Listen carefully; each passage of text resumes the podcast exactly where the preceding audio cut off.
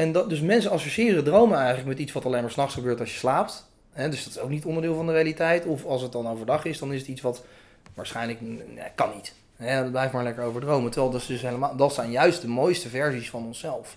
Hè, die we kunnen worden als we dat wel zouden doen. Dit is de Braveheart Club. De podcast van happiness en schrijver en angstonderzoeker Rowanne van Voorst. Waarin we in gesprek gaan met moedige mensen. Vrije denkers. Mensen die tegen de stroom in durven te gaan. En die daarvoor kleine en grote angsten overwonnen.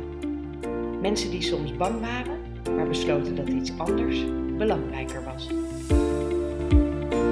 Als vijfjarige liep hij van huis weg omdat hij Parijs wel eens wilde zien. Later, toen hij groot was, werd hij fotograaf, wereldreiziger en ondernemer. Jeroen Swolfs combineerde al die liefdes en talenten in zijn wereldbekende fotoproject Streets of the World, jaar tijd maar liefst 195 hoofdsteden bezocht. In al die plekken fotografeerde hij positiviteit. In een tijd waarin er overal conflict lijkt te zijn, zocht hij naar wat ons als mensen met elkaar verbindt. Streets of the World werd het grootste fotografieproject ter wereld. Ik sprak met deze Braveheart over hoe je dat doet, zo'n megalomaan project opzetten. Zelfs als er niemand is die gelooft dat het kan. Alright, Jeroen, dankjewel dat je kon komen op deze regenachtige dag naar de Happiness Studio met veel te hete thee. Ja, ja maar wel lekkere thee. Wel lekkere thee. Ehm, we gaan het hebben over onder andere zeven jaar op reis zijn, zonder geld, maar met een heel groot plan. Nou, ik had wel geld hoor. ja, ik had nee, gelukkig wel geld. Want je kan uiteindelijk, eh, hoe idealistisch je ook bent, eh, reizen kost gewoon ook geld. Ja, maar wat ik bedoelde was dat je wel geld op hebt moeten halen. Eerst. Ja, precies. Maar dat heb ik daarvoor gedaan. En dat, Precies. dat was wel even... Nou, dus ik begon inderdaad zonder geld Kijk, aan het project. Ja. En daar heb ik uiteindelijk drie jaar over gedaan om, eh, om die financiering eh, te vinden, gelukkig. En toen begon pas de reis zelf van, van nog eens een keer zeven jaar. Dus ik was in totaal ben ik tien jaar met het project bezig geweest. ja. En dan moet je me uitleggen, wie is er nou zo gek om iets te bedenken wat ongeveer klinkt als ik ga door 195 landen reizen of zo. Ja, Oh, ik, soort- ja, ja, ik dus. Maar ja, waarom, waarom ik dat dan heb bedacht, dat vind ik ook zo... Ik denk nog vaak over na hoor, trouwens. Van wat is dat nou dat je dat... Dat je op een gegeven moment hebt besloten dat dat dan een goed idee was. Want dat was het wel uiteindelijk. Maar ik heb daar natuurlijk ook, ook wel... Ik heb natuurlijk wel heel erg moeilijk gehad ook op die reis. Eh, en dat wist ik van tevoren ook wel een beetje. Dus ik had wel op het moment dat ik bedacht van hoe, hè, hoe cool zou het zijn om alle landen ter wereld te fotograferen. Of eigenlijk om de mensheid te fotograferen, hè, want daar ging het me om. En ik was toen al fotojournalist. Ja, toen dacht ik wel bij mezelf van ja, dit is wel een hele heftige onderneming. Maar het is wel een heel uniek verhaal om te kunnen maken. En ook een waardevol verhaal. En daar ging het me eigenlijk een beetje om. Ja, want wat miste jij dan op dat moment toen jij fotojournalist was? Wat maakte dat je dacht, niet alleen die landen, maar ik wil ook specifiek iets. Ik heb een thema in mijn hoofd. Ik wil die mensen en ik wil positiviteit eigenlijk fotograferen. Hè? Want daar ging het om. Ja, ja precies. Ja, nee, ik, had, ik had eigenlijk, voor Streets of the World werkte ik eh, voor kranten bijvoorbeeld. En de Volkskrant eh, hier om de hoek. En ik, ik kwam erachter dat er heel veel nadruk op, eh, op negatieve berichtgeving in die, in die, in die dagelijkse media eh, ligt. Lag, maar nog steeds. En dat vond ik eigenlijk al sowieso al, viel me op. Toen dacht ik van, dat is wel ergens niet helemaal eerlijk. Als het nou 50-50 zou zijn, dan, dan is het eerlijk, goed en slecht nieuws. Maar dat was het niet eens. En, en dat vond ik al opvallend. Dus ik dacht, kan ik niet iets doen wat, ehm, wat wat meer aandacht vestigt op, op de positieve verhalen over mensen, over wie wij zijn als mensen met elkaar. Omdat er toch een, ja, een onnodig negatief beeld op deze manier staat over de mensheid. Dat is best gevaarlijk hè? als dat vanuit de media al eh, op die manier wordt gecommuniceerd. Ja, dat ben ik met je eens. En misschien is het wel goed voor mensen om te weten. Ik ben zelf ook opgeleid als journalist, ooit in een grijs verleden. Ja, ik heb als journalist gewerkt, dat dat inderdaad een verschil is. Dus mensen denken wel eens, ja, maar er is misschien gewoon geen positief nieuws. Maar Ja. dat is er natuurlijk wel, Ja. elke dag. Ja. Alleen leer je al als journalistiek student, positief nieuws is eigenlijk geen nieuws. Nee, dat precies. is niet interessant genoeg voor ja de krant. moet je nagaan. Leert al op een opleiding inderdaad. Dus zo, en dat gaat erom, omdat het natuurlijk, er moet natuurlijk wel geld verdiend worden. Hè? Jij ook als journalist, dus zo'n opleiding, opleiding waarschuwt je dan van, hè, als je ervan wil gaan leven, dan moet je niet dat doen, want het levert niks op. Maar je hebt natuurlijk als medium heb je wel een verantwoordelijkheid om, om gedoseerd het nieuws te brengen. En dat vond ik best wel kwalijk, dat ik zag dat dat niet gebeurde. Want er wordt een beetje een self-fulfilling prophecy. Als, als iedereen gaat geloven in, in, in alleen maar slechte verhalen, dan creëert dat een soort collectieve angst, die dan ook de werkelijkheid wordt. En ik denk ook dat dat is wat je ziet nu. Nu in deze tijd, als je kijkt naar politiek bijvoorbeeld, dan zie je dat er heel veel stromingen ontstaan zijn die, die voor een groot gedeelte op angst gebaseerd zijn. En nu ook weer die nieuwe radio-omroep, hè, die dan nu vandaag geloof ik 50.000 uh, abonnees heeft. Daar zit heel veel angst in. Hè? Angst van het kwijtraken van dingen bijvoorbeeld. Hè? Bepaalde tradities of uh, heel, erg, heel erg gevoelsmatig wordt dat gebracht. Uh, terwijl er heel veel goede verhalen zijn. Er zijn heel veel goede ontwikkelingen in de wereld. Hè? Hans Rosling, ik weet niet of je, of je wel eens van hem hebt gehoord. Een, een hele mooie wetenschapper, helaas overleden vorig jaar. Die, heeft een, die, hij, die ging echt feiten onderzoeken. Hè? En echt tot, in, tot op de bodem. En dan blijkt dus dat er in deze tijd enorm veel vooruitgang is. Hè? Dat er veel minder oorlogen zijn, dat er minder slachtoffers vallen tijdens oorlogen, dat er minder veel meer geweld, ja. minder geweld, minder, uh, veel meer uh, minder an, uh, analfabetisme, veel meer meisjes, vrouwen op school. Er zijn allerlei minder ziektes. Minder honger. Ja. Nou ja, inderdaad. En dat zijn allemaal wereldwijde fenomenen die we met elkaar voor elkaar hebben gekregen.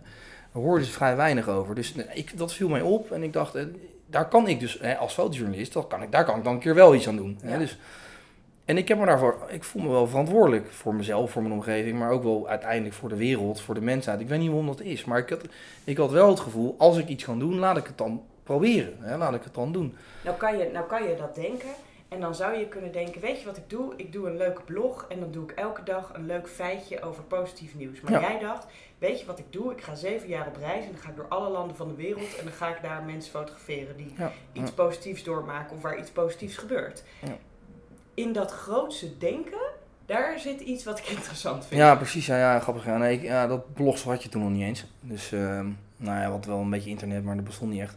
En ik had, ik had, um, ja, ik had natuurlijk middelen, hè, of tools zal ik maar even zeggen. Namelijk, want ik was fotojournalist, namelijk een camera. Ja. Hè, en ook wel luisteren en dingen opschrijven deed ik toen ook wel. Ja, wat ga je nou fotograferen? En, en ik, ik wilde en toch... ik neem aan dat jij toen geen gezin of relatie had. Nee, nou wel een relatie.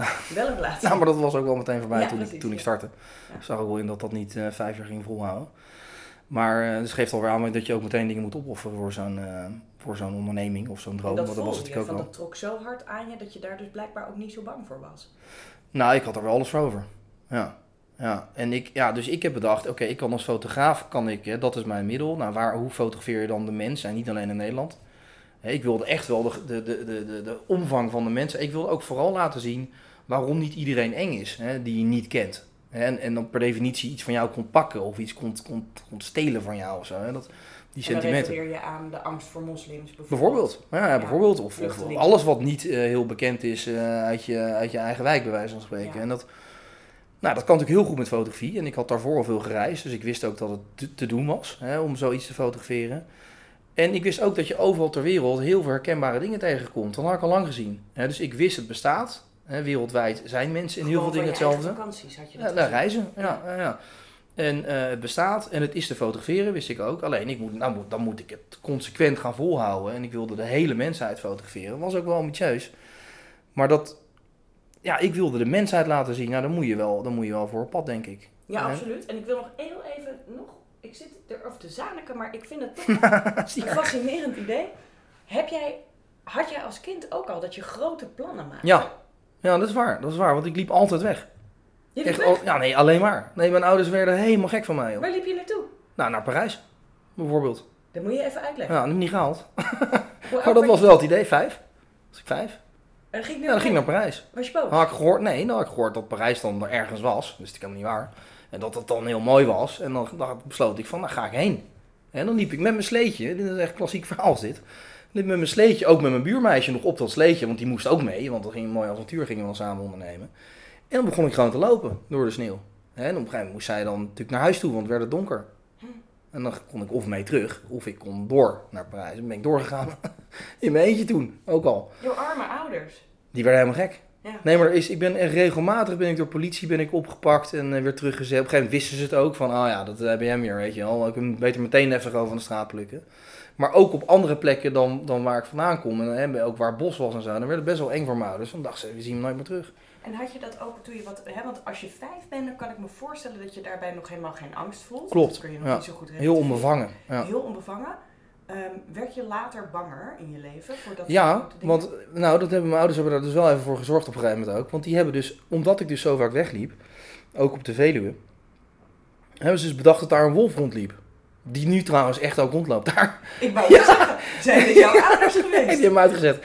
Nee, nee, nee, zeker niet. Nee, nee, die, maar die was er toen niet. Maar die hebben ze bedacht. Hè, van, daar is wel een wolf. Hè, en dan gingen ze alleen maar Peter en de Wolf gingen ze draaien. Ken je dat? Van Tchaikovsky.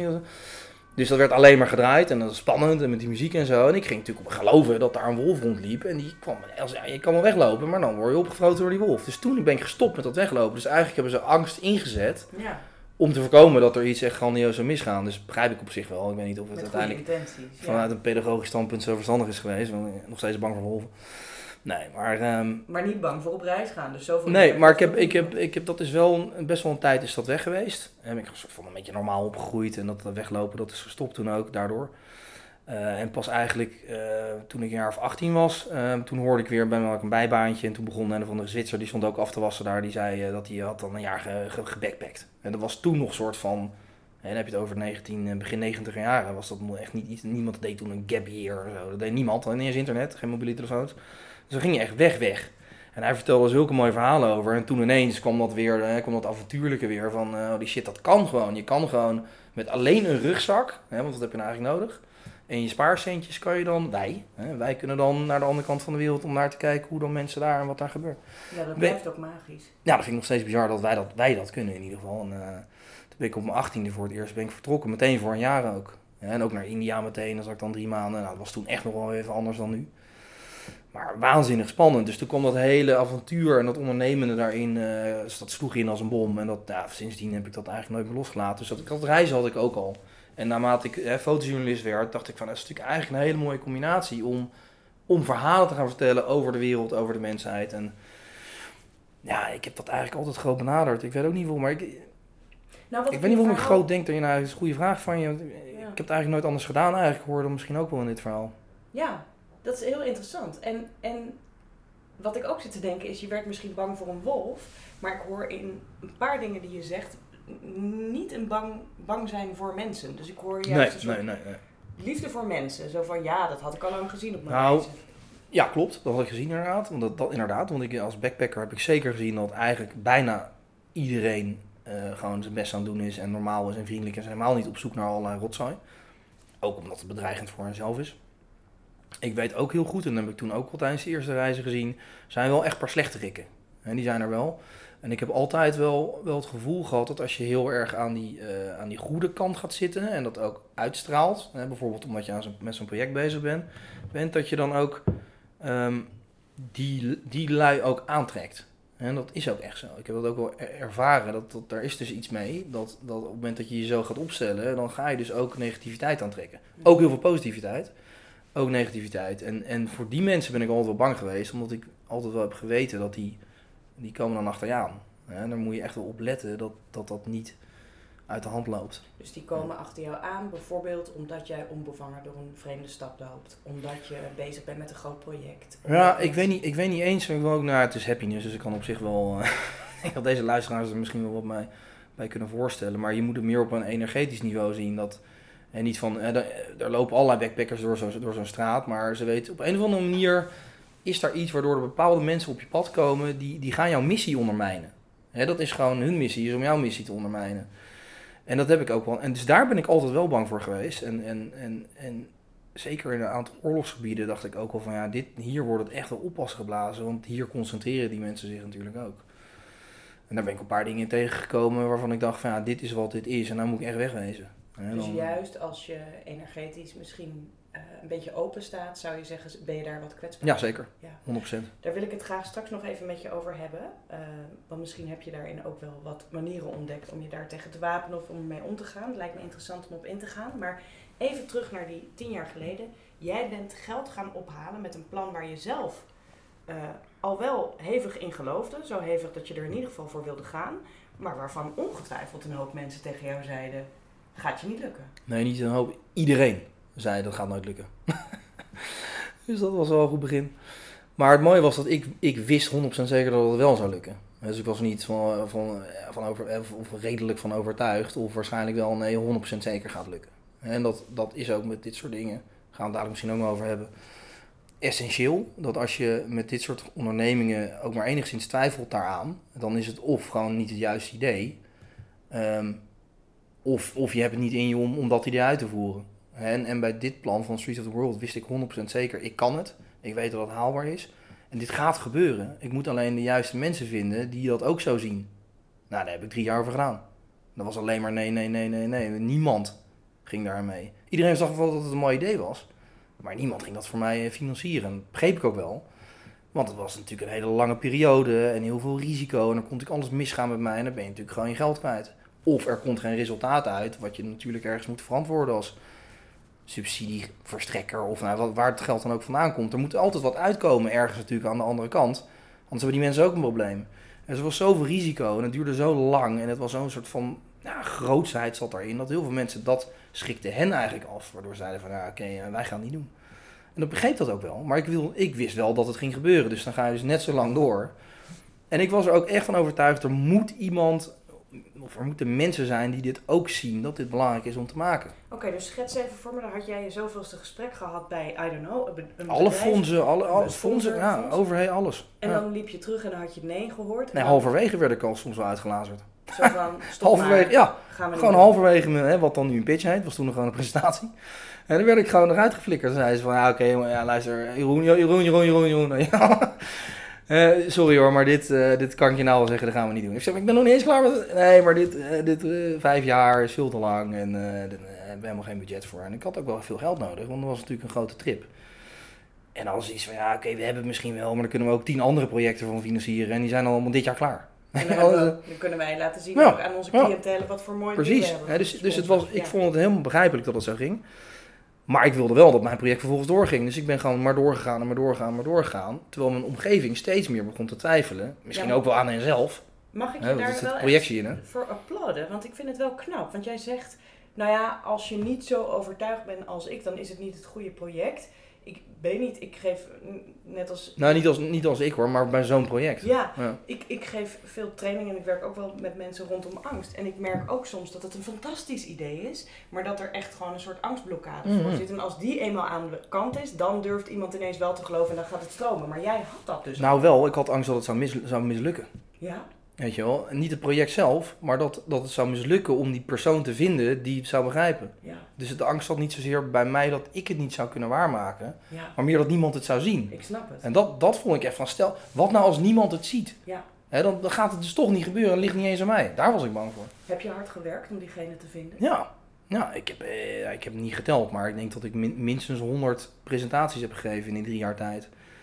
Wat allemaal nee was. En als je dus, als je dus zo vaak nee hoort, dan wordt het dus dan zelfs voor mij ook, hè, voor, voor volhardende mensen, hè, wordt het dan echt wel moeilijk, of niet moeilijk, maar je gaat dan, je wordt dan, het gaat meer, het gaat meer over, over, ik wil ook niet zeggen wanhoop, maar je gaat dus steeds meer denken van, het, dadelijk lukt het niet omdat niemand het ziet. En, en, en dan nog moet je doorgaan. En blijven vertrouwen. En dat, nee, dat moet, het kan niet zo zijn dat er niemand is die ziet dat het belangrijk is om de mensheid van een positieve kant te laten zien. Dat kan niet. En wat deed je dan om jezelf op te lappen, zeg maar, als je weer je 98ste nee had gehoord? En je moest nou, ik, ik denk, ja, ik weet niet of dat nou visualiseren is of zo, maar ik bleef dat gewoon toch zien in mijn hoofd, dat ik dat aan het doen was. en dan, en dan wist dat je aan het fotograferen Ja, dat ik gewoon aan het reizen was en hoe dat dan zou zijn. En ik bleef dat zien en ik dacht, dit gaat gewoon, ik ga dit, dit is een, dit is een realiteit. die zie ik nu al. Dat gaat gewoon gebeuren. Ik ga nou, dan ga ik wel weer ergens anders proberen. Ga gewoon door. Door. Dit moet, het moet gebeuren. En toen zei de eerste genie ja. Toen kwam ik iemand tegen die, uh, waar kwam, moest ik ook eerst drie andere mensen langs om daar dan te komen. Maar uiteindelijk zat ik met hem om de tafel en die, die zei direct van, ja, dat was een schitterend idee dit. Fantastisch. En die had genoeg geld. En die zei van, uh, als, als we dit, we, werden toen meteen, vond ik fantastisch om te horen. Als we dit kunnen maken, dan hebben we iets, iets unieks. En, en het is onwijs belangrijk dat het er komt. Dus boek je ticket maar, ga maar. En nou, dat wist natuurlijk niet wat ik meemaakte. Wat heb je dat was drie jaar verder, hè? Die avond? Ja, eh, toen ben ik wel even gaan partyen. niet gaan mediteren. Ik ben gaan partyen toen. Maar toen kwam ik thuis, moest ik meteen even tegen mijn vriendinnetje zeggen van... Oké, uh, ik ben over een paar weken weg en dat, zijn, dat is de tijd die wij samen nog hebben. Hè, dus het begon meteen al wel met... Want daar zijn, er zijn altijd offers die je moet brengen. En dat is ook waarom een hele hoop mensen uiteindelijk niet doen wat ze zouden willen doen. Of zouden moeten doen misschien wel niet bereid zijn om de offers te brengen die bij die keuze horen. Ja, en en dat da- is een huge. Maar dit klinkt wel rationeel hoor. Hé. Want je liefde offeren. Ja. Ik kan me voorstellen dat er een hoop mensen zouden zijn geweest die zouden hebben gezegd... Ah, laten we het samen gaan doen. Nee, nee, je kan niet samen vijf jaar eh, ge- gefinancierd. Dan had ik dus een soort van 60% extra budget moeten, eh, moeten los. En wat was zij dan gaan doen vijf jaar lang? Die studeerde nog toen. Je moet dan vijf jaar lang met mij. Ik zat elke, elke week in een ander land. Ik, heb het wel een soort van overwogen. Een soort van, is dat dan haalbaar? Maar dat leek me volstrekt niet haalbaar om dan... Dit is gewoon iets wat, wat ik alleen moest doen. En dat was al super moeilijk. En ook gevaarlijk soms. En dan ben je met z'n tweeën, ben met een vrouw erbij. In sommige landen maakt alleen maar moeilijker. Was sowieso misgegaan. Dat je, ik, ik zag, het helemaal niet zitten. En ik denk ook dat het helemaal niet haalbaar is geweest ook. En dat was ook niet erg. Want zij was toen 23. Ze was tien jaar jonger dan ik. Dus ik was 33. Hè, dus ze zat een hele andere fase. En eh, we hadden het heel fijn gehad. Maar ja, het was gewoon een soort van wel oké. En eh, nou, dan zie ik er over vijf jaar. Weet je wel. Nou, oké, we zijn nog steeds dikke maten. En toen ben jij gegaan. Nou, dat ben ik gegaan, ja. Had je direct helder voor jezelf wat voor soort foto's je wilde maken? En hoe ben je gaan zoeken naar positiviteit? Ja, ik wist zeker wat ik ging doen van tevoren. Dus ik had echt al nagedacht over het concept. Hè, fotografisch, concept. Dus ik wilde al die landen en die steden precies op dezelfde manier fotograferen, technisch. Dat heb ik ook gedaan. Dus altijd dezelfde beeldhoek, dezelfde, hetzelfde standpunt, dezelfde scherpe diepte. Een beetje technisch. Dus die foto's zijn technisch identiek. En daardoor kan je ze ook naast elkaar bekijken. En dan zie je eigenlijk, eigenlijk zie je elke keer hetzelfde beeld. Alleen het verhaal wat zich daarin afspeelt is natuurlijk elke keer anders. Maar ook weer niet, want ik had ook besloten, ik ga op zoek naar thema's. Hè, die ik dus, waarvan ik weet dat je die overal vindt. Dingen zoals liefde, eh, broederschap, vriendschap, eh, mensen met elkaar aan het werk zijn, mensen met familie. Gewoon die basale dingen van de mens die je dus overal vindt. En die ga ik fotograferen. Dus die thema's blijf je ook overal door het project, over de wereld, blijf je dezelfde dingen zien terugkomen. Wel andere mensen een ander kleurtje, andere kleding aan, andere vervoersmiddelen. Of, maar die, die, die thematiek zit er altijd in, die herken je dus ook overal. En dat is het mooie van dit project geworden. Dus dat had ik, dat had ik van tevoren al besloten. Maar goed, dat moet je nog wel even gaan doen, weet je wel. En elke plek waar je komt, weet je natuurlijk helemaal niet hoe die foto gaat worden en waar je moet zijn. En dat is wel een enorme zoektocht geworden om uiteindelijk al die foto's die het geworden zijn, om die uiteindelijk te kunnen fotograferen ook. Ja, want het is nogal een stap van het vliegveld aankomen tot Ja. aan daadwerkelijk je camera. Waar ga je heen? Ja, waar ga je heen? En, en, en, en hoe, hoe weet je waar dat is? Dus dat was een heel erg eh, intermenselijk, eh, heel hoog eh, contact. Omdat ik altijd met die mensen in de straat in gesprek moest. Eh, soms met handen en voeten, want ik spreek natuurlijk allemaal niet helemaal helemaal Engels. Of Frans, spreek ik nog een beetje. Ehm, van waar moet ik dan zijn? En als ik dan zo'n plek had gevonden, dan was ook niet iedereen altijd meteen heel enthousiast dat ik daar dan eventjes eh, een halve meter van hun neus foto's ging maken. Want zo dicht sta je daar dan bovenop moest ik dat weer uitleggen. Dus ik was alleen maar bezig. Dus constant die barrière te doorbreken die we allemaal hebben. Dat is namelijk ook een soort primaire angst. Het is helemaal niet zo fijn om mensen die je niet kent aan te spreken. Hè? En, dan, en dan te laten zien dat je het goed bedoelt en dat je, hè, dat je, dat je ze serieus neemt. En Maar ook dat je iets van ze wilt. Want je wil Ja, ook eh, alsnog die markt fotograferen. Ja, Waar zij Ja, dus je zijn. moet ook nog wat vragen eigenlijk, namelijk Ja. toestemming. En dat is best wel... En dat vond ik, vond ik eigenlijk, en vind ik nog steeds, dat vond ik van fotografie nog wel eigenlijk het moeilijkste. Dat je eigenlijk altijd toestemming... Want ik vind namelijk dat je altijd toestemming moet hebben. Je kan ook een beetje laf met je telelens achter een boom, maar dat vind ik geen fotografie. Het gaat erom dat je er middenin staat en dat mensen het weten en dan weer doorgaan met het dagelijks leven. En dan ga je hun verhaal vertellen. En dan moet je altijd toestemming voor vragen. En dat is elke keer dus weer een, weer een barrièretje. Dan moet je iemand weer gedaan. En je hebt ook wel eens een slechte dag. En dan heb je, weet je, wel, je moet toch die foto maken. Wat is het ehm, bijzonderste contactmoment wat je hebt gehad? Oh jee. eens één. Ja, nee, ja, dat is Je uh, ongetwijfeld legio, ja, zeven jaar. Hè.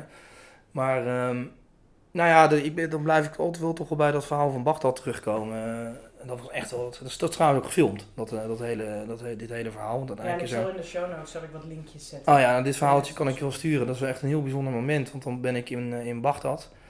Waar ik natuurlijk ook een, een positief verhaal wilde vertellen. Want dat- die zijn daar ook. In Bagdad alleen maar oorlog. Dus dat is niet zo. Ja, daar is oorlog. Maar in de tussentijd gaat het dagelijks leven daardoor. En zijn mensen daar gewoon ook met normale dingen bezig. Maar toen heb ik daar een straat opgezocht waar een eh, bomaanslag is gepleegd. Eh, en toen is die hele straat verwoest. Maar dat is een boekenstraat. Het was al duizend jaar een boekenstraat. Een hele Als in een bijzonder. boekenhandelaar stond. Ja, stonden gewoon boekenstalletjes. Maar al duizend jaar lang, hè, moet nagaan. Toen dacht als iemand van, dan ga ik even die, die straat opblazen. Dat is natuurlijk een aanval tegen, hè, tegen het intellect. En, eh, nou, eh begrijp de reden wel van die mensen. Dat, dat heeft heel veel pijn gedaan, ook voor, voor alle mensen in Bagdad. Omdat die er allemaal kwamen. Hè, eh, als kind al waarschijnlijk. Nou, daar is dus een aanslag geweest en, eh, en daar heb- ben ik over gaan lezen. En toen kwam ik een verhaal tegen van eh, een, een theewinkeltje daar. En die kerel van dat theewinkeltje was net even weg toen die bomaanslag was. Dus die heeft het overleefd. Zou je denken van, eh, wat een mazzel. Maar nee, want zijn van je vier zonen en zijn schoonzoon, die waren er wel. Dus ze zijn allemaal omgekomen in die aanslag. Kom je terug, hele straat weg, hele familie weg. Had ik gelezen, dus, maar ik vond het zo'n bijzonder verhaal dat ik, die, dat ik die straat wilde fotograferen. Omdat uiteindelijk is die straat weer helemaal herbouwd. Heel snel eigenlijk ook. Want iedereen wilde die Boekenstraat terug. Dus uiteindelijk heeft, heeft het intellect het gewonnen van de terreur. Dus er zat een hele mooie thematiek in. En de symboliek ook. En toen liep ik daar rond en toen was er dus, eh, weet ik ik wist niet eens wat het was. Ik liep daar een tentje binnen. Was dus dat opgebouwde theehuis van, van die man waar ik over gelezen had. En die zat daar ook meteen. Dus ik kwam meteen oog in oog met hem te staan. Terwijl ik wist wat hij had meegemaakt. Namelijk dat hij daar zijn, zijn zoon was kwijtgeraakt. Nou, wat doe je dan? Dat is dan zo'n ontmoeting waarvan je, weet je echt even niet wat je moet doen. Maar dan ben ik natuurlijk toch naar hem toegestapt en gevraagd van, hoe gaat het met u? En ik heb gehoord wat er gebeurd is en hoe is het nu hier? En, eh, en toen zijn we dus in gesprek geraakt. Is natuurlijk echt wel heel heftig, want wat, wat, wat vraag je dan aan zo iemand? En hoe... En er werd een mooi gesprek en hij heeft er wel over verteld. Eh, maar uiteindelijk vroeg hij aan mij, maar wat doe jij hier eigenlijk? Weet je wel? En dat is natuurlijk ook best wel een goede vraag van hem, want wat doe ik daar eigenlijk dan? En dat vonden al die mensen waarschijnlijk in die zeven jaar tijd. Dus ik vertelde hem, ik kom hier positiviteit fotograferen in deze straat. En dat vind ik moeilijk om aan u te vertellen, want het is helemaal niet een straat die u waarschijnlijk aan positiviteit relateert. Toen zei hij, nou, ik vind het eigenlijk heel fijn dat je positiviteit kan fotograferen in deze straat, omdat je laat zien dat we door zijn gegaan. Dat we sterk zijn en dat we ons niet laten intimideren. Nou, dat was waanzinnig. Bijzonder om dat mee te maken, zo één op één, zo'n verhaal. Ik ben eh, een paar jaar geleden bij jouw ehm, expositieruimte destijds nog geweest, op het Hemterrein. Ja, het museum. Ja. Ja. Streets of the World Museum eigenlijk gewoon, Mhm. dat is het helemaal geworden. Prachtige grote foto's. En wat ik daar zo ontroerend aan vond, was denk ik precies dat. Namelijk dat je op foto's ziet bijna een beetje hetzelfde gevoel als wat je wel eens kan hebben als je 's ochtends heel vroeg door de straten van een drukke Ja. stad loopt. Waarin je ziet dat iedereen zo wakker aan het opbouwen, is. ja. Dat allemaal Ja, mensen dat het hagelslag aan het ehm, neerzetten zijn voor hun kinderen. Televisies gaan aan, koffie wordt gezet. Iedereen is op dezelfde momenten bezig. En ik vind dat altijd een heel mooi beeld wat uit jouw foto spreekt. Dat je ziet dat iedereen op de hele wereld ook maar gewoon aan het werken is, aan het spelen is, aan het kletsen is, aan het lachen Precies. is. Precies. En wij zien zo'n kleine selectie. Ja, exact. Ja, En die vaak dus juist een negatief verhaal vertelt. En dat is echt onterecht. ja. Nog heel En even. voedt de angst. Nog heel eventjes terug, want dit was een prachtig verhaal. Maar deze podcast gaat ook wel over af en toe bang zijn, over Mhm. ehm, dan toch moedig zijn. Heb jij momenten ervaren dat je, wat voor manier dan ook, spanning, angstig was, dat soort dingen tijdens je reis? Ja, vele. Ja. Vele, ja. Ja, En- ja. Ja, ik, ja, ik denk, ja, het is op zich ook wel logisch dat je voor die oorlogsgebieden maak je natuurlijk echt wel zorgen. En dat, en dat, dat, ja, dat, Om erheen te gaan. ja, ja, zeker Somalië. Ik had bij Somalië altijd een, van tevoren een gevoel waarvan ik dacht van, hier gaat het mis. En dat was heel gevaarlijk om dat te denken, want dan gebeurt het dus ook, weet je wel. Dus, dus ik zat al in mijn hoofd al die strijd te voeren van, nee, gaat helemaal niet mis, gaat helemaal niet mis, weet je gaat gewoon lukken. En zo ben je eigenlijk van tevoren, zit je al heel erg in de strijd te voeren, ben je daar nog niet eens. Ja, dus, eh, en ik had ook wat ik je net vertelde over die, dat aantrekken van die negativiteit, zeg maar. Dat had ik ook heel erg het gevoel dat het daar zou mis zou gaan. Dat ik daar iemand zou tegenkomen die me in zo'n soort van, ja, zo'n hel zou slepen op een of andere manier. En dat had ik al eerder meegemaakt in de Centraal-Afrikaanse Republiek. Ook zo'n eh, zo'n vrolijk land. Tijdens je werk als fotograaf? Nee, ditzelfde project. Want daar heb ik ook gefotografeerd natuurlijk. Die had ik al. Somalië. Somalië was, nou ja, daar kwam ik, dat was echt midden in de burgeroorlog. Hè. Daar werd, kwam ik aan op het vliegveld en er was meteen al schieten en eh, allemaal granaatinslagen in, daar in de bergen. Denk, wat is dit in godsnaam? En daar ben ik toen uiteindelijk tien dagen geweest, kon ik ook niet meer weg. En daar heb ik ook wel, wel ja, daar heb ik echt wel gezien dat, dat mensen echt op elkaar aan het jagen waren. Weet je wel, gewoon om elkaar af te maken. En eh, die kwamen dan naar mij toe rennen om, om, voor hulp. En dan kon je dan niet rennen. Dat ging echt wel ver hoor. Dat, dat heb ik echt wel, eh, dat heeft me echt wel heel erg geraakt. En je zag daar ook, daar zag je ook echt wel dat, dat, ja, dat bloeddorstige in, in, in, in de ogen van mensen. En dat is precies waarvan je dus, maar je zoekt het dus ook nog eens een keer zelf op. Hè, bewust. Dat is natuurlijk, ja, dat is bijna vraag om problemen natuurlijk. Hè? Ja, en het, en het is interessant omdat, ehm, kijk, ik wil niet zeggen dat je met jouw project de negativiteit ontkent, maar het is wel, Nee. je gaat heel bewust op zoek naar het positieve. Dus het lijkt me ook bijna beangstigend en ja. confronterend om dan wel degelijk dat slechte nieuws op Ja. je af te zien komen rennen. Ja, letterlijk. Want het bestaat natuurlijk wel. Hè. Ik bedoel, het is niet zo dat mijn project ontkent dat er dingen misgaan in de wereld. Helemaal niet. Daarom zitten ook dit soort landen erin. En je ziet ook in die foto's, zowel die van de Centraal-Afrikaanse Republiek als die van Somalië, zie je ook echt dat het oorlog is. Ja. Maar je ziet dus dat in die, in die oorlog mensen bezig zijn om te overleven. En dat ze kracht hebben en doorzettingsvermogen. En dat, nee, dat zijn de thema's die ik dan ging fotograferen. Want, want daar zijn dus mensen ook, hè, mensen zijn op hun slechtst. Hè, en dat soort, op dat soort plekken, maar ook op hun sterkst. Ja. En En de het- meeste mensen zijn natuurlijk niet aan het vechten. Nee, die zijn dan, die zijn dan, dan gewoon het slachtoffer. Het zijn altijd kleine groepen eh, die het gewoon voor zo'n heel land verzieken. Zeker in de Centraal-Afrikaanse Republiek. Nog meer in Somalië. Dat is gewoon één terreurgroep, hè, Al-Shabaab. En die, die zijn dat hele land gewoon, die houden dat gewoon constant in een, in een staat van oorlog. Ja. En de rest is slachtoffer. Of is gewoon boeken aan het verkopen. Of waren dus boeken aan het verkopen en werden opgeblazen. Weet je. Hey, en jij was bang, jij ging naar Somalië, je voelde die tweestrijd. En ik hoor je ook eigenlijk een beetje zeggen, oh ik was ook een beetje bang om te negatief te denken, want dan ga ik Ja. misschien wel aantrekken. Ja. Wat doe je dan om daar toch overheen te komen? Ja. Nou ja, weet je wat het is? Uiteindelijk, wat je eigenlijk moet doen. Ja, het is moeilijk hoor om hier. Ook niet, ik weet niet of het nou een leidend advies moet zijn of zo. Maar uiteindelijk moet je dus je, je, je angsten confronteren. Ja, dat is dus gewoon zo. Dat is dus gewoon zo. En uiteindelijk, ik ben dus toch gegaan. Ik, was, ik weet nog dat ik in Dubai, vloog vanuit Dubai naar Mogadishu. En ik zat op dat, vliegveld, op dat vliegtuig en toen dacht ik, ja, het zat dan Mogadishu op dat scherm. Ja, welke, welke, debiel gaat er nou vrijwillig naar Mogadishu? Daar ben ik niet goed bij helpen. Dat soort dingen zat ik wel te bedenken. En ik ben niet, ik ben niet een oorlogsfotograaf. Hè. Die gaan nog een stap verder. Dat is gewoon echt... Maar ik kwam er wel, constant schuurde ik er tegenaan eigenlijk. En, en dan staat het op zo'n scherm en dan denk ik van, ja, je moet het gewoon niet doen. Je moet het gewoon niet doen, weet je wel. Maar dan vond ik het toch ergens ook te laf of zo. Maar toen keek ik om me heen en toen zag ik dus... Er kwamen er steeds meer mensen, die gingen dus ook daarheen. Want die zaten gewoon ook te wachten daar. En allemaal Somaliërs. Maar ook, nou eigenlijk bijna... Voor mij was de enige blanke aan die aan boord ging trouwens. En, eh, maar toen hoorde ik een paar Somaliërs hoorde ik, eh, in het Engels spreken. En die waren gewoon Brits. Weet je wel, en dat was een vrouw en eh, een kerel en die hoorde ik een beetje praten. En die had het over een huwelijk. En die gingen naar Mogadishu, die kwamen uit Canada. Serieus. En die gingen naar Mogadishu om te trouwen. Want die wilden op hun geboortegrond wilden ze trouwen. En toen en ging ik natuurlijk met ze praten. Van, en die gingen vertellen, we hebben daar, dan gaan we dat en onze familie. En ik natuurlijk van, is niet een beetje gevaarlijk? Ja, maar ja, hè, het is ons land. Dus toen werd het, in één keer kreeg dat de hele Somalië een heel menselijk gezicht. Hè, door dat stel. Die gingen trouwen, die gingen naar de liefde vieren. Hè, dus toen kreeg ik een hele andere emotie. Kwam ik zelf ook. Van, ja, als zij gaan, dan ga ik ook. Weet je wel. Heb ik ze nog ontmoet daar ook trouwens. Hè. Ik, uiteindelijk hebben ze me uitgenodigd voor het huwelijk. S'avonds. Kon niet heen, want dat, was, dat startte op een locatie. En dan heb je daar gewoon een avondklok.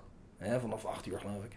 Dan mag dus niemand meer de straat op. Dus waar je zit, daar blijf je zitten. En dan was ergens anders dan waar ik zat. Dus ik kon er niet heen, anders was ik zeker gegaan. Terwijl die worden dus heel vaak opgeblazen, hè, die huwelijken. Dat wisten zij ook wel, maar ze bleven dat gewoon wel doen. Omdat ze gewoon zich niet lieten intimideren daardoor. Ja, het is mooi wat je zegt. Ik heb een van mijn PhD-studenten die heeft. ehm, wij doen onderzoek in conflictgebieden naar hoe mensen daar stre- eh, met stress en ehm, angst omgaan, onder andere. Of met stressvolle situaties. En ehm, hij zat in Afghanistan en zei daar altijd over. Weet je wel, iedereen leest natuurlijk heel veel over die oorlog, maar als je er woont, dan merk je er de hele tijd niet zoveel van. Nee, Behalve af en toe ergens een alarm afgaan of weet je wel, je hoort ineens wel wat in de verte, maar meestal merk je er niks van. Meestal zijn mensen gewoon aan het werk. Ja, life goes on. En dat is ook, dat klinkt heel cru, maar dat is ook wat ze zeggen. Ik had ook een tolk in, eh, in Bagdad, gewoon echt een jonge gast. Ik denk dat die, weet ik veel, 22 zijn geweest. Van een kunstenaar, echt een mooie kerel. Zie ik nog mee op Facebook en zo, weet je wel. Dat doen ze ook allemaal. En eh daar had ik daar ook mee over. Van, joh, van waarom blijf je hier? Nou, ik kon sowieso niet echt makkelijk weg. Maar hij zei ook van, ja, weet je, ik heb hier familie, ik heb mijn leven hier. Het wordt beter, want daar gelooft dan iedereen wel in. Nou, dat is trouwens ook wel zo in het geval van Bagdad. En ik zei, hij zei van, ja, ik loop hier op straat. En ik, ik kan wel bij elke auto kan ik denken van, ah, is dit die met die bom? Maar dan, dan, dan ben ik dus zelf degene die mijn leven aan het verpesten is. Dus dat, dat sta ik gewoon niet toe. Ik ga It's dat niet zelf doen. Ja. Ja, enigszins wel. Hè. En, en, en, eh, dus het is ook een keuze om uiteindelijk eh, het, het, het te accepteren of het te confronteren en te besluiten om, om er overheen te stappen. Maar dat zijn natuurlijk wel hele heftige processen in dat soort gebieden. Ja. En wat je eigenlijk ook zegt is, je kwam dichterbij. Hè? Dus juist door erheen te gaan, ontdekte je, Ja. oh, Ja. hier zijn ook mensen die Engels spreken. Oh, hier Ja. zijn ook mensen die hier naartoe gaan omdat ze Engels spreken, nee, houden. Nederlands spreken. Want ik liep er op een gegeven moment over het strand in Mogadishu. Want je hebt daar dus een heel mooi strand. Maar, de, maar hè, de boulevard, zal ik maar zeggen, is helemaal platgeschoten. Dat zie je ook heel goed in die foto van Somalië.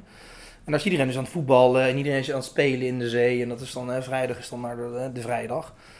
Ja, dat was hartstikke leuk op dat strand. Maar er zaten in zo'n platgeschoten torentje, er zaten ook een paar kerels. En we gingen even op een gegeven moment uit de zon. En die spraken gewoon Nederlands. Die kwamen uit Rotterdam. Spraken, heb ik gewoon Nederlands mee zitten spreken met die. Ja, ja.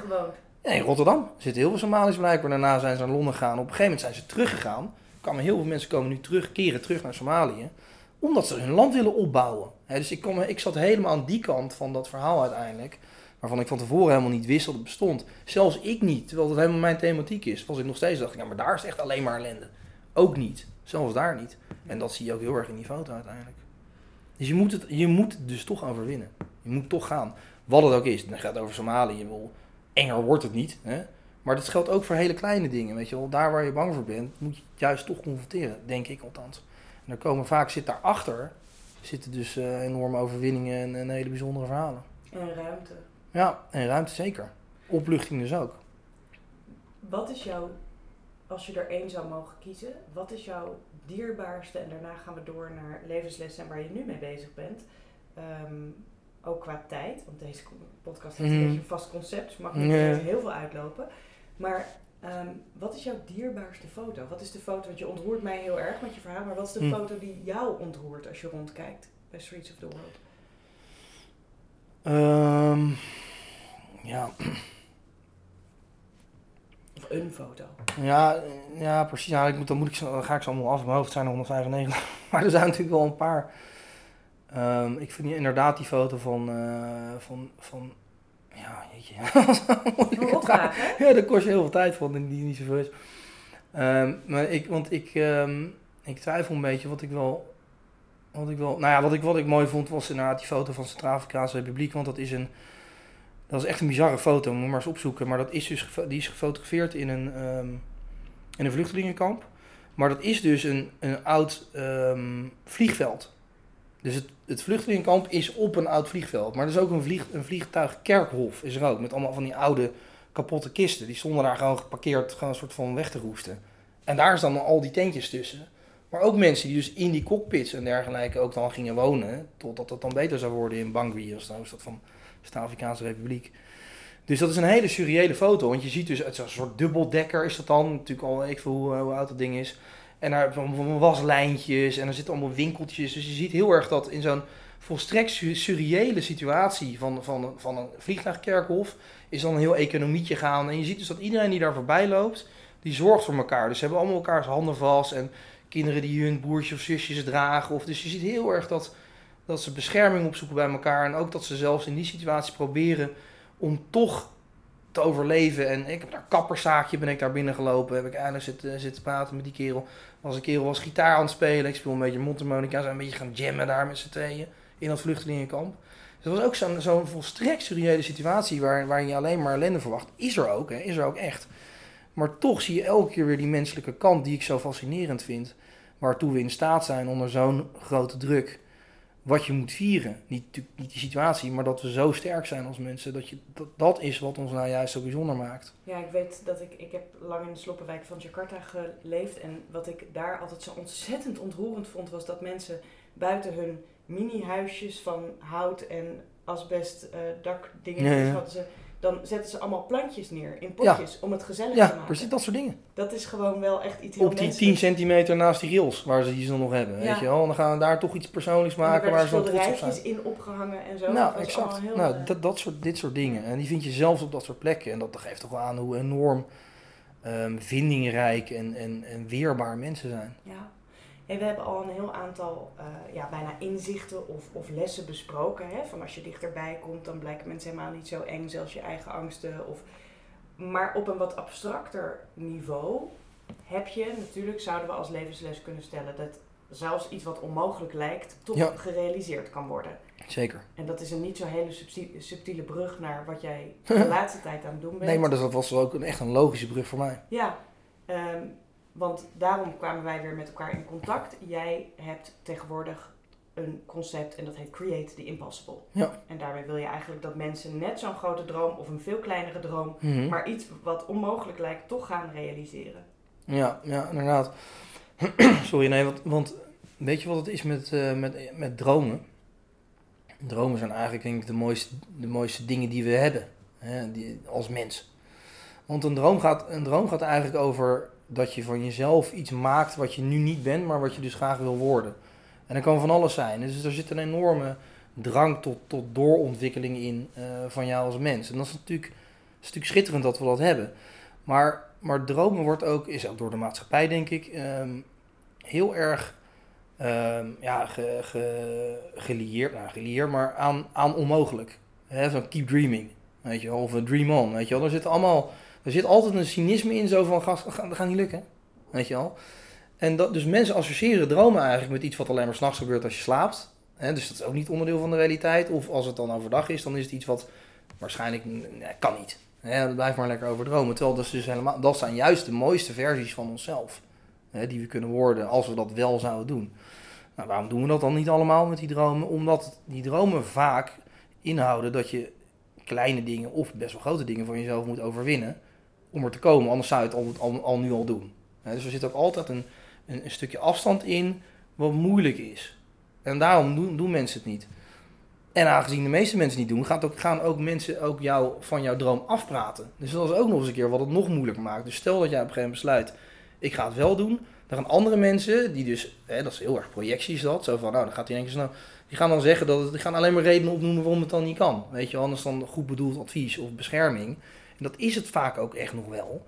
Maar dat ligt, het gaat meer mis bij dat die mensen niet zien dat het kan, dan dat het niet echt niet, echt niet kan. Weet je, want het kan namelijk wel. Nou, en dat, dat vond ik zo'n bijzondere um, thematiek dat ik, hè, dat dat heel erg ook bij Streets of the World speelde natuurlijk, want daar geloofde niemand in. Uiteindelijk wel gelukt, veel groter geworden dan ik dacht, veel mooier, veel meer impact gehad dan ik dacht. Wel ben ik blij dat ik het gedaan heb. En nu is het ook mijn hele wereld geworden vervolgens. Nou, ik dacht, kan ik nou niet mensen met de kennis die ik nu heb over hoe je dat moet doen en wat je allemaal tegenkomt, kan ik nou die mensen gaan helpen om hun angsten te overwinnen en wel die dromen te gaan beleven? Dan zou het natuurlijk schitterend zijn als er veel meer mensen die allemaal mooie ideeën hebben, dat die er wel komen, in plaats van dat ze dus er nooit uitkomen. Dan ik, ik kan niks beters bedenken om te doen dan dat. En um, ik ben hier natuurlijk heel erg naar benieuwd, want ik geef zelf ook angsttrainingen, maar jij richt je veel meer op ondernemers met een ondernemerplan. Niet per se. Oh. Nee, nee want Marijn Tinga, hè, die uh, je ook wel hebt geïnterviewd voor deze podcast, die is ook een van... De Plastic Soup Server. Plastic Soup Server, uh, onwijs mooie kerel. Um, die zit ook in dit, in dit concept, Create the Impossible. Dus die gaat ook vertellen hoe hij het gedaan heeft.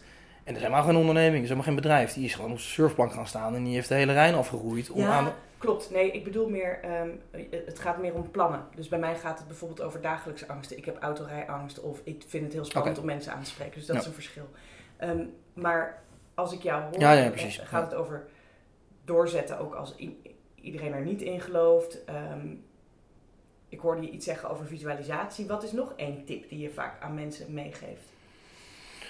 Nou, kijk, en niet zozeer een tip. Kijk, het is, een, het is een heel. Het is eigenlijk dus een proces. En ik heb dat onderverdeeld in, in drie. Um, nou ja, bij Creative Impossible in ieder geval. Maar ik denk dat iedereen daar wel tegenaan loopt die echt iets wil ondernemen. Kijk, als ik zeg ondernemen, doe ik niet per se een bedrijf. Nee, precies. Kijk, een onderneming kan dus ook een avontuur zijn wat je onderneemt. Begrijp je? Of, of een of een statement die je wil maken, die je onderneemt. Mm -hmm. zoals dus de plastic soepsurfer. Ja. die, die, dat plastic moet niet in die rivieren terechtkomen. Ja. Het is geen bedrijf, maar het is wel een onderneming om op je surfplankje de hele rivier af te peddelen. Uh, en dan loop je eigenlijk tegen een aantal dingen meteen aan. En dat is namelijk, uh, uh, kan ik het wel? Um, is, dit, is dit hele plan haalbaar? hoe ga ik het financieren? dus, dus ik denk dat je, dat je moet beginnen bij jezelf motiveren en inspireren dat het, dat het wel kan. Ja. En dat is dus wat we heel erg proberen te doen, is door die verhalen te vertellen van een aantal mensen die echt ongelooflijk onhaalbare ideeën hadden, hè, waarvan hij er één is, maar nog een paar, die zijn allemaal gelukt. Ja. Die zijn dus allemaal wel gelukt. En zij hebben me allemaal verteld in die interviews, want ik interview hen dan, dat iedereen zei kan niet. En het, het zijn ook verhalen van ik van ik kan nooit. En uiteindelijk en dan gaan ze vertellen over al die struggles die, die, die ze tegenkomen. Die heel herkenbaar zijn. Ik denk dat iedereen die ook een soort van voelt met zo'n idee of zo'n plan. En hoe ze die dan overwonnen hebben. En dus dat is een enorme inspiratie. En het zijn ook zulke grote dromen. Dat je denkt, als dat kan, nou, dan kan het voor mij misschien ook wel. Dan begin je al eigenlijk in je hoofd al een soort van te shiften van een soort van wereld waar het niet kan naar weer waar het misschien kan. Ja. En als je dan nog een paar van die verhalen hoort, ga je op een gegeven moment denken, nee, kan gewoon wel. Nou, dan, als je, dat is eigenlijk de belangrijkste stap, is inzien dat het wel kan. Het Ja. kan wel. En de vraag is, hoe, dan is het, hoe ga je het dan doen? En dan gaat het over expertise en hulp krijgen hè, van mensen om je heen. Of, nou, dat kan je op allerlei manieren ook doen. En uiteindelijk loop je hoogstwaarschijnlijk ook tegen een stukje financiering aan. Hoeft niet eens altijd, hè, maar dat kan ook. Dat is dus ook altijd te vinden. Ja. Als je maar, dus zoals ik, uiteindelijk eindeloos Ja. doorzetten de juiste. Maar het kan ook met crowdfunding, het kan ook met Ja. familie, het kan ook met werk. Of, er zijn zoveel manieren. Dus, dus het kan sowieso wel. De vraag is, hoe, ga je het doen? En hoe ga je het doen? En, en daar zit dan uiteindelijk een enorm, enorme winst, waardoor uiteindelijk die dromen allemaal wel gaan uitkomen in plaats van niet. Ja. Zou toch zonde zijn? Nou vraag ik eh, aan al mijn gasten altijd, dus ik ga hem ook aan jou vragen. ehm, iets over moed. Namelijk, wat betekent moed volgens jou? Wat is dat? Nou, dat is dus, dat is, moed is, is durven om een betere versie van jezelf te zijn. Ja. Ja, want dat is het gewoon, dat is heel simpel. En hoe dat dan voor jou is, dat maakt helemaal, helemaal niet uit.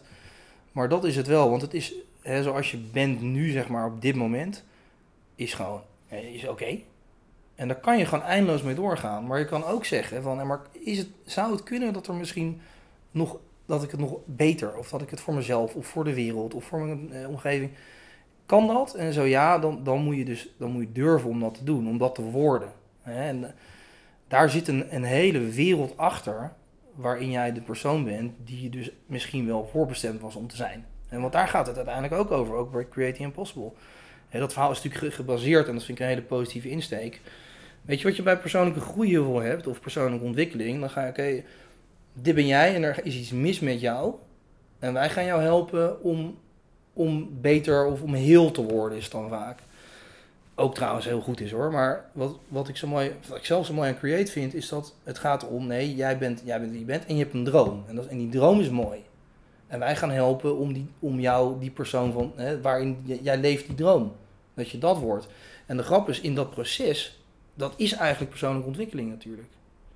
En als je dan die finish haalt, wat het ook is, en dat heb ik ook bij die vijf mensen van Creating Impossible gezien, die wilden alleen maar die finish halen. Eerst wilden ze alleen maar de start van hun droom ha- wilden ze halen. Dat was al moeilijk moeilijk. Nou, halverwege was er altijd zo'n punt, als ze dan begonnen zijn, dat het heel moeilijk werd. Dat er alle redenen was om te stoppen en af te haken en ze niemand kwalijk nemen.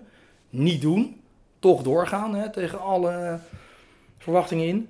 En, uiteindelijk, en dan maar die finish halen. En dan halen ze dus die finish. En dan is van, nou oké, dan heb ik het gedaan. Weet je wel. Nou, heel blij natuurlijk. Ja, en nu? En daar is er nooit over nagedacht. Want het ging alleen maar over het halen van die finish.